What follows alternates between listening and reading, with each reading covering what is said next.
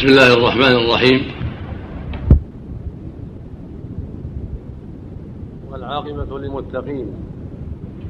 والصلاة والسلام على عبده ورسوله وخيرته من خلقه وأمينه على وحيه نبينا وإمامنا محمد بن عبد الله وعلى آله وأصحابه ومن سلك سبيله واهتدى بهداه إلى يوم الدين. أما بعد فإني أشكر الله عز وجل وهو المستحق للشكر على ما من به من هذا اللقاء بإخواني وأحبابي وأبنائي. سائلا المولى عز وجل أن يجعله لقاء مباركا وأن ينفعنا جميعا بما نقول وبما نسمع وبما نعلم وأن يعيدنا جميعا من شرور أنفسنا ومن سيئات أعمالنا. ثم أشكر القائمين على جامعة الملك عبد العزيز وعلى رأسهم الأخ في الله الدكتور عبد الله نصيف وإخوانه العاملون معه.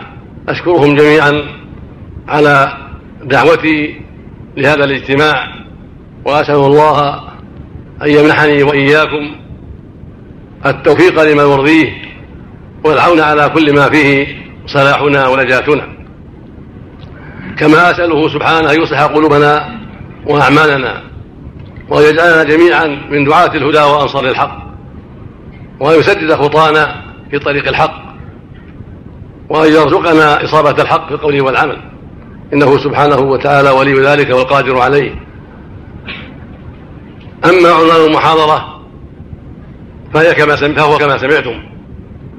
الآفات الاجتماعية وموقف الإسلام منها. وبعبارة أخرى المصائب الاجتماعية وموقف الإسلام منها.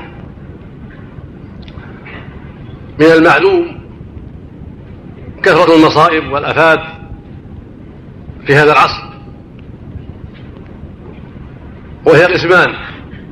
قسم يتعلق بالعلم والعلماء وطلبة العلم وقسم يتعلق بالعامة عامة الناس.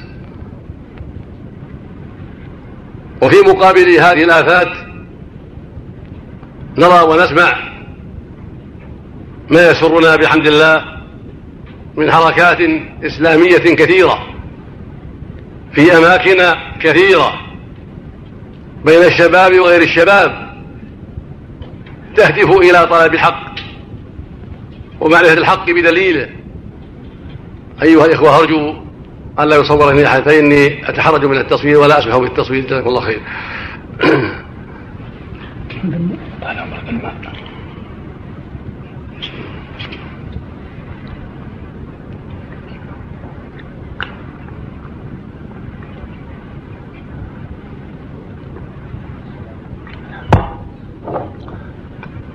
في مقابل الآفات والمصائب الاجتماعية نسمع ونرى حركات إسلامية واجتماعات إسلامية ونشاطا إسلاميا في أماكن لا تحصى. وهذا من فضل الله ورحمته. وهي حركات في الغالب تنشد الدليل وتريد معرفة الحق من منبعه من منبعه الصافي من الكتاب والسنة.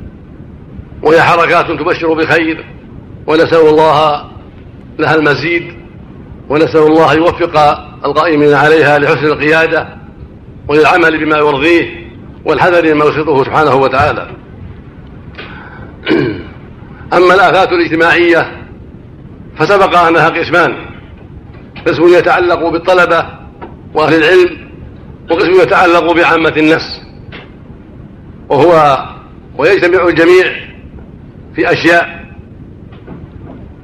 أما ما يتعلق بالعلم والعلماء وطلبة العلم فهو شيء لا يخفى على أهل العلم وعلى طلبة العلم. مما وقع في هذا العصر من انحراف الكثير من الناس ممن ينسب إلى العلم عن العناية بالعلم الشرعي وعدم الإقبال عليه الإقبال الحقيقي على علوم الشريعة علم العقيدة علم التوحيد علم التفسير علوم القرآن الكريم علم الفقه وأصوله علم الحديث ومصطلحه. ثم مع التقصير في ذلك من الكثير آفة أخرى. وهي عدم التطبيق وعدم العمل من الكثير تجده منسوبا للعلم ومعدودا من العلماء ومن طلبة العلم ولكنه يتساهل كثيرا بتطبيق عمله على علمه وعلمه على عمله وقوله. فلا تجد عنده النشاط المطلوب والحماس الواجب حول الأمر بالمعروف والنهي عن المنكر والدعوة إلى الله عز وجل والمسارعة إلى الصلوات في الجماعة والمحافظة عليها وهذه من المصائب الاجتماعية والآفات الكبيرة. أن يكون طالب العلم مع المتخلفين عن هذه الواجبات من الأمر بالمعروف والنهي عن المنكر في بيته ومجتمعه وفي طريقه ومسجده وبين إخوانه وزملائه وتلاميذه فهو ساكت لا يتكلم ولا يأمر ولا ينهى. وقد قال بعض السلف رحمة الله عليهم الساكت مع الحق شيطان أخرس والناطق بالباطل شيطان ناطق فلا يليق بطالب العلم ولا بالعالم أن يتشبه بهؤلاء أو أن تصدق عليه هذه الكلمة. بل ينبغي يكون في الطليعة طليعة الآمر بالمعروف والنهي عن المنكر والداعي إلى الله عز وجل بالقول والعمل لا بالقول فقط بل بالقول والعمل. يكون في سيرته قدوة صالحة. إذا رآه زملاؤه وإذا رآه جيرانه وإذا رآه أهل بيته وإذا رآه أصدقاؤه وزواره رأوا منه ما يسرهم. وما يدعوهم إلى الخير والهدى وما يشجعهم على طاعة الله ورسوله. وإذا زير في مسجده أو زار جهة من الجهات رأيته من السابقين إلى الصلوات رأيته من المسارعين إلى الصف الأول وإلى قرب الإمام رأيته من المحافظين على الخشوع في الصلاة والطمأنينة فيها والإقبال عليها آثار علمه ظاهرة في أخلاقه وأعماله وصلواته. هكذا يكون طالب العلم وهكذا يكون العالم. تكون آثار علمه عليه في أخلاقه من حلم وصبر وأمر بالمعروف ونهي عن المنكر وجود وكرم ومسارعة إلى الصلوات ومحافظة عليها وإقبال عليها وطمأنينة فيها.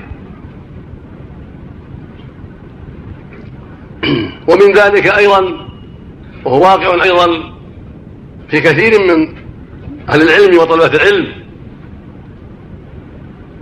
عدم العناية بتوفير الرحى وإكرامها وإرخائها تأسيا برسول الله صلى الله عليه وسلم وضاعة لأمره حيث قال قصوا الشوارب وعفوا اللحى خاله المشركين جزوا الشوارب اللحى خاله المجوس.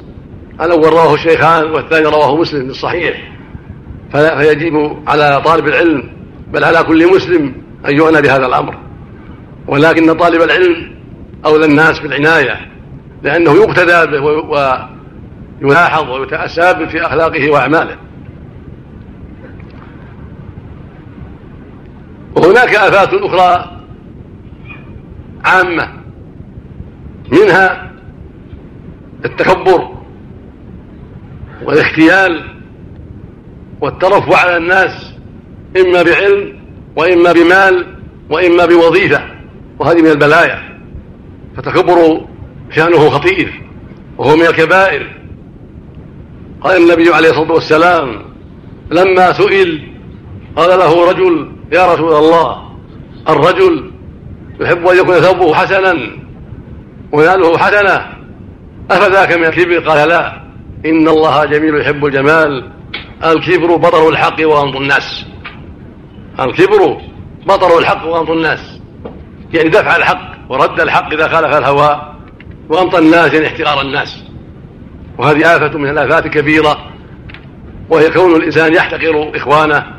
إما لكونهم دونه في العلم أو لأن عندهم ضعفا في الفهم أو لأن عندهم شيئا من الغفلة. أو ما أشبه ذلك. أو يتكبر لكونه أرفع منهم في الوظيفة أو في المال أو في النسب أو في غير ذلك. وهذه آفات قديمة وهي موجودة أيضا الآن وحديثة وكثيرة. فينبغي لك يا عبد الله أن تكون متواضعا. حسن الأخلاق حليما جوادا كريما. لطيف العشرة. تحب لإخوانك الخير وتكره لهم الشر وتعطف عليهم وتعرف لهم مقدارهم ولا تتكبر عليهم ولا ترفع نفسك عليهم لعلم أو جاه أو نسب أو وظيفة أو مال أو غير ذلك. بحسب من الشر أن يحقر أخاه مسلم كما قاله النبي عليه الصلاة والسلام في حديث أبي هريرة عند مسلم. ومن ذلك أيضا ما بلي به, ما بلي به كثير من الناس. من الرشوة. في مجالات كثيرة وفي ميادين كثيرة. يدفع المال لمن يعطيه ما ليس له بحق. وهذا من البلاء العظيم. سواء كان ذلك مع قاض أو موظف وإن كنا بحمد الله لا نسمع هذا في في هذه البلاد وله الحمد ولله الحمد والمنة. فقد عرف قراتها بحمد الله بالنزاهة والبعد عن هذا البلاء. ولكنه موجود في بلدان كثيرة. ويوجد في هذه البلاد وغيرها في مسائل أخرى غير مسألة القضاة. فينبغي التحرز من ذلك. فإن بعد دفع الرشوة لمن يعطيك غير حقك ولمن يقدمك بغير حق؟ على من هو حق منك؟ أمر لا يجوز. وقد صح عنه عليه الصلاة والسلام أنه قال لعن الله الراشي والمرتشي ويروى عنه عليه السلام أنه قال والرائش وهو السفير بينهما والواسطة ورابط ذلك هو كل مال يدفع ليحيف المدفوع له عن الحق. وليتصرف تصرفا لا يوافق الحق من أجل هذا المال. وكثير من الوكلاء يأخذون أموالا بغير حق رشوة من الباعة حتى يشتري منه هذا الوكيل وحتى يقدمه على غيره فيعطيه مالا سرا بينه وبينه ويحسبه على على المشترى لهم وهو ظلم وعدوان على من وكل موكل موكل هذا الشخص فيأخذ مالا من البائع رشوة له حتى لا يشتري من غيره وحتى يتفق معه على المال الذي يريد ويقول لمن وكله اشتريته بكذا وكذا وكذا اشتريته بمئة وهو ما اشتراه إلا بثمانين والعشرين له. عشرون قد اتفق مع الشخص على أنه له وليس للبائع إلا الثمانون. وما أشبه ذلك. فالمقصود أن المال الذي يبذل ليتصرف المبذول له تصرفا محرما تصرفا لا يليق به شرعا هو يسمى رشوة وليس من شرطه أن يكون لقاضي فقط بل يكون مع القضاة ومع الأمناء ومع الوكلاء ومع الخصوم ومع غيرهم. كل إنسان ومع الموظفين على حسب اختلاف وظائفهم كل إنسان يعطى مالا لينصرف عن الحق وليعمل غير الحق وليخص هذا الباذل بشيء لا يستحقه ولكن من أجل المال فهو من باب الرشوة. ومن هذا الباب ومن باب الآفات الاجتماعية أيضا الإسبال الذي بني به الكثير من الناس وهو إرخاء الثياب تحت الكعبين. جاء في الحديث عنه عليه الصلاة والسلام أنه قال ثلاثة لا يكلمهم الله ولا ينظرهم يوم القيامة ولا يزكيهم ولهم عذاب أليم. المسلم إزارة والمنان فيما أعطى وينفق سلعته بالحديث الكاذب. خرجه مسلم الصحيح. وروى البخاري في صحيحه رحمة الله عليه أن النبي عليه الصلاة والسلام قال ما أسلم من الكعبين من الإزار فهو في النار. وجاء في السنن عن جابر بن سليم أن النبي عليه السلام قال إياك والإسبال فإنه من المخيلة من الخيلاء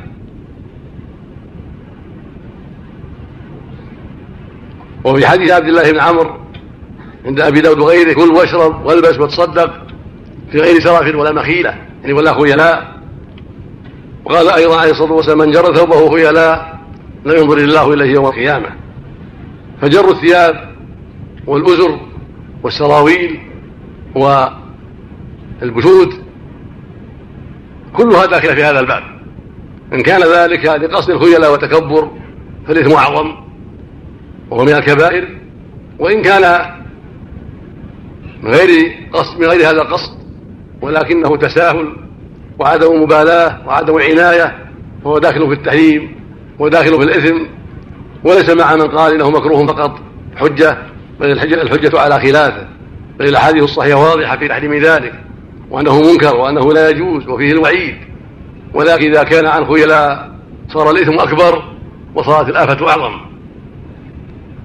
أما ما جاء عن الصديق رضي الله عنه أنه قال يا رسول الله إن ثوبي يرتخي فلست لست مما يفعل ذلك خيلاء هذا واضح في المعنى.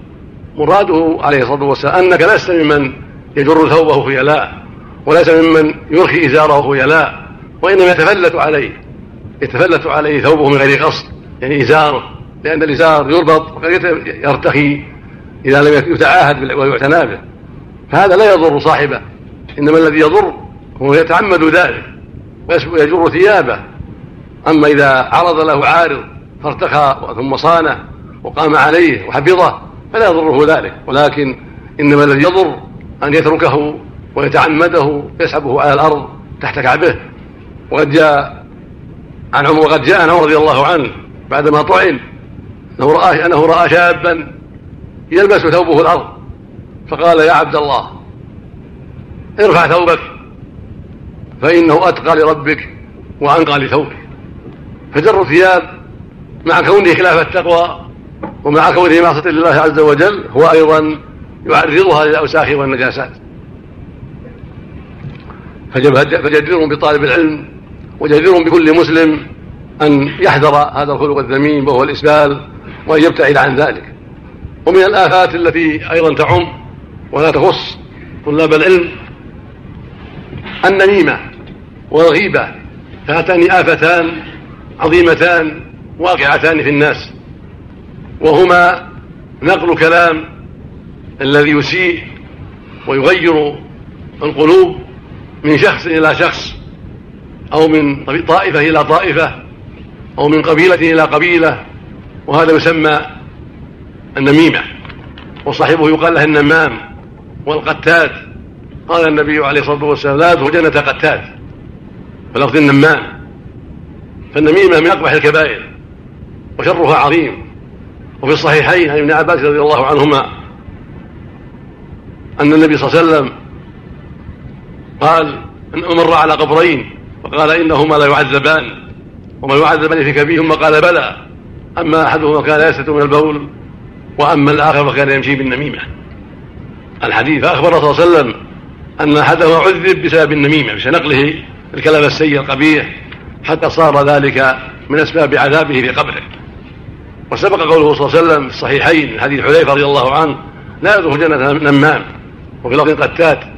وهذا يفيدنا الحذر من النميمة وأنها قبيحة ويترتب عليها فساد كبير. حتى قال بعض السلف يفسد النمام والكذاب في الساعة ما لا يفسده السحر في السنة. فالكذاب والنمام فسادهما عظيم وشرهما كثير. فيجب الحذر من هذا الخلق الذميم وهو النميمة كما يجب الحذر من الكذب فإن الكذب شره عظيم أيضا وفساده كبير. وهو من الآفات الواقعية المنتشرة بين الناس. وقد قال الله جل وعلا إنما يفتري كذب الذين لا يؤمنون بآيات الله وأولئك هم الكاذبون. وقال النبي عليه الصلاة والسلام عليكم بالصدق فإن الصدق يهدي البر وإن البر يهدي الجنة ولا تزال رجصتك ويتحرى الصدق حتى يكتب عند الله صديقا. وإياكم والكذب فإن الكذب يهدي الفجور وإن الفجور يهدي إلى النار. ولا يزال يكذب ويتحرى الكذب حتى يكتب عند الله كذابا. والكذب من خصال أهل النفاق ومن الآفات التي درج عليها أهل النفاق. كما في الحديث الصحيح يقول عليه الصلاة والسلام آية المنافق آية المنافق ثلاث. إذا حدث كذب وإذا وعد أخلف وإذا اؤتمن خان هذه من من أخلاق المنافقين. وأما الغيبة فهي نقل فهي ذكرك أخاك بما يكره. وهي خلق ذميم أيضا. قال الله جل وعلا في كتابه العظيم ولا يغتب بعضكم بعضا نص عليها في كتابه العظيم لأنها تفضي الشحناء والعداوة. والإسلام جاء بطلب تآله القلوب وتحابها في الله وتعاونها على البر والتقوى والنميمة والغيبة ضد ذلك. فهما تنشران الفساد وتنشران الشحن بين الناس وتفريق الأمة وتقاتلها واختلافها واختلافها وتقاطعها. فالواجب الحذر من الغيبة قيل يا رسول الله ما الغيبة؟ قال ذكرك أخاك بما يكره. قيل يا رسول الله فإن كان في أخي ما أقول. قال إن كان فيما تو فقد اغتبته وإن لم يكن فيه فقد بهت خرجه مسلم صحيح. عن أبي هريرة رضي الله عنه. فعلينا أيها الأبناء وأيها الإخوة أن نحذر هذه الأخلاق الذميمة وأن نبتعد عنها غاية الابتعاد. وأن نتواصى بتركها فإن من خلق المؤمن مع إخوانه التواصي بالحق من خلقه التعاون بالبر والتقوى ومن صفات الرابحين الناجين التواصي بالحق والتواصي بالصبر. والله يقول جل وعلا وتعاونوا على البر والتقوى ولا تعاونوا على الإثم والعدوان. فالواجب التعاون على طاعة الله ورسوله على الأخلاق الكريمة الطيبة التي أوجبها الله على عباده والحذر من التعاون على الأخلاق الذميمة التي ذمها الله وعابها بل يجب التواصي بالأخلاق الكريمة والحذر من الأخلاق الذميمة. وقد صح عنه عليه الصلاة والسلام أنه قال إنما بعثت لأتمم صالح الأخلاق.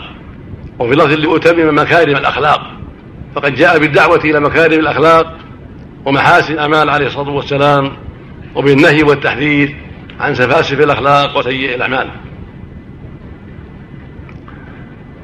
ومن الآفات والمصائب العامة أيضا الخيانة وعدم أداء الأمانة ولا يخفى ما في ذلك من الفساد الكبير. قد تكون الخيانة في الأموال قد تكون الخيانة في الأعراض قد تكون الخيانة في العلم قد تكون الخيانة في الأسرار التي يسرها إليك أخوك ثم تخونه في ذلك. فالواجب أداء الأمانة في المال وفي العرض وفي كل شيء. حتى في الامتحان والإختبار يجب أداء الأمانة. وأن تحذر الخيانة والغش في اختبارك. لأن المقصود من الاختبار أن تعرف مقدرتك ويعلم ما لديك من العلم والخيانة تفسد ذلك. والغش يفسد ذلك. فالواجب أداء الأمانة في كل شيء والحذر من الخيانة في جميع الأمور. وأعظم ذلك الخيانة في الأعراض. أن تكون أخاك في أهله أو تخون المسلمين عموما فيما ائتمنك الله عليه من حقوقهم. فعليك أن تؤدي الأمانة في المال وفي العرض وفي كل شيء مما تمنت عليه. والله يقول جل وعلا في كتابه العظيم إن الله يأمركم أن تؤدوا الأمانات إلى أهلها. ويقول سبحانه يا أيها الذين آمنوا لا تخونوا الله والرسول وتخونوا أماناتكم وأنتم تعلمون. ويقول جل وعلا إن عرضنا الأمانة على السماوات والأرض والجبال فأبن أن يحملنها وأشفقن منها وحملها الإنسان إنه كان ظلوما جهولا. ويقول سبحانه والذين هم لأماناتهم وعهدهم راعون. ذكر هذا في صفات أهل الإيمان. الذين وعدهم رب الفردوس بالجنة والكرامة من صفاتهم أنهم يرعون الأمانة ويرعون العهود. فيجب عليك يا عبد الله وعليك يا أيها الطالب العلم أن ترعى الأمانة وأن تعنى بالأمانة في الدين والدنيا في جميع الشؤون. تكون أمينا في دينك أمينا في حق أخيك في دينه وعرضه ودنياه. لا تكن أخاك لا في ماله ولا في عرضه ولا في سره وحديثه ولا في غير ذلك من شؤون أخيك ومن شؤون المسلمين. وكن أمينا في كل أعمالك التي تؤديها تنصح بها لله. ولا تخون الأمانة في وظيفتك. وأعمالك فأنت مستأجر لأداء حق فعليك أن تتقي الله في وظيفتك وفي أعمالك حتى تؤديها بنصح وأمانة لا بالخيانة والإعراض والغفلة. هذه أشياء من الآفات التي قد انتشرت بين الكثير من الناس وفي أوساط كثيرة بين العامة والخاصة فيجب التواصي بالحذر منها ويجب التواصي بالاستقامة على دين الله وطاعة الله ورسوله. والمحافظة على ما أمر الله به ورسوله والتواصي بالحذر عن كل ما نهى الله عنه ورسوله. هكذا ينبغي له الإيمان عموما ولطلاب العلم والعلماء خصوصا في كل الشؤون. الله يقول جل وعلا بسم الله الرحمن الرحيم والعصر إن الإنسان لفي خسر إلا الذين آمنوا وعملوا الصالحات وتواصوا بالحق وتواصوا بالصبر. هذه صفة الرابحين وهذه أخلاقهم. إيمان صادق بالله ورسوله. عن علم وبصيرة عمل صالح بأداء فرائض الله والمساغة إلى طاعة الله والكف عن محارم الله. تواصل بالحق تواصل بالدعوة إلى الله والأمر بالمعروف والنهي عن المنكر وسائر أمور الخير. وتواصل بالصبر على ذلك وعدم الجزع والضعف في أداء الواجبات وترك المحارم. وأسأل الله عز وجل أن يمنحنا وإياكم وجميع المسلمين الصبر على الحق والثبات عليه والحذر من كل ما نهى الله عنه ورسوله وأن يهدنا جميعا صراطه المستقيم وأن يمنحنا الفقه في الدين والثبات عليه والحذر مما يخالف شرعه ومما يسبب غضبه وعدم حصول رحمته وأن يرزقنا جميعا علما نافعا وعملا صالحا وثباتا على الحق حتى نلقاه عز وجل وصلى الله وسلم وبارك على عبده ورسوله نبينا محمد وعلى آله وأصحابه وأتباعه بإحسان.